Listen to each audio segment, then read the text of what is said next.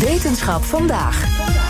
Een internationaal onderzoeksteam heeft ontdekt dat het superzware zwarte gat in het centrum van de Melkweg zo'n 200 jaar geleden eventjes van zich heeft laten horen. En wetenschapsredacteur Carlijn Meiners, ik heb begrepen dat we er ook naar kunnen luisteren. Dat klopt. Ik ga daarna even uitleggen wat er nou precies gedetecteerd is.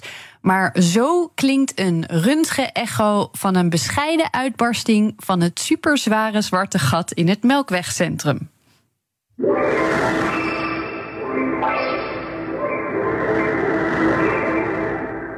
Wat?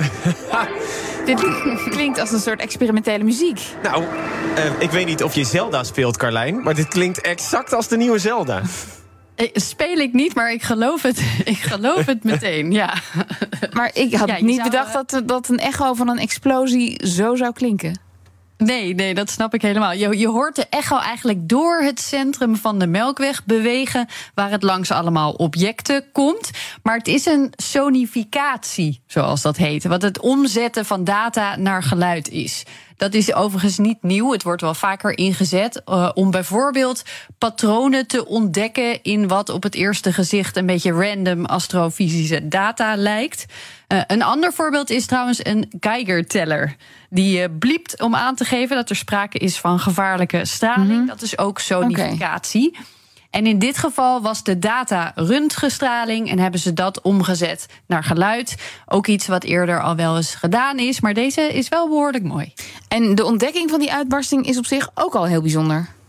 Ja, zeker. Dat is eigenlijk het grote nieuws. Want dat superzware zwarte gat, Sagittarius A star, die 4 miljoen keer zoveel massa heeft als de zon, vertoont op dit moment bijna geen activiteit. Nu zeggen ze dus bewijs te hebben gevonden dat begin 19e eeuw dit zwarte gat ongeveer een jaar lang ontwaakte. Waarbij het objecten moet hebben opgeslokt. Dat is altijd een vrij gewelddadig iets.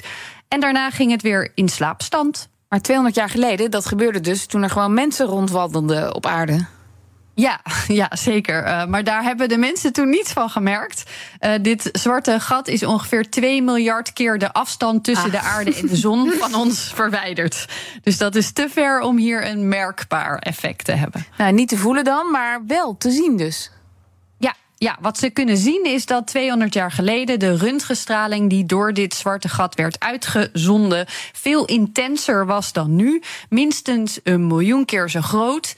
Volgens de hoofdonderzoeker kun je het een beetje zo voor je zien alsof één enkele gloeiworm in een donker bos plots zo helder werd als de zon.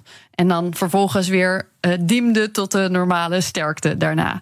Uh, deze ontdekking zou uh, daarmee ook verklaren waarom de wolken van moleculen rondom dat superzware gat feller zijn dan gebruikelijk. Ze reflecteren eigenlijk de röntgenstraling die 200 hmm. jaar geleden ontstond. En hoe kwamen ze die straling eigenlijk op het spoor?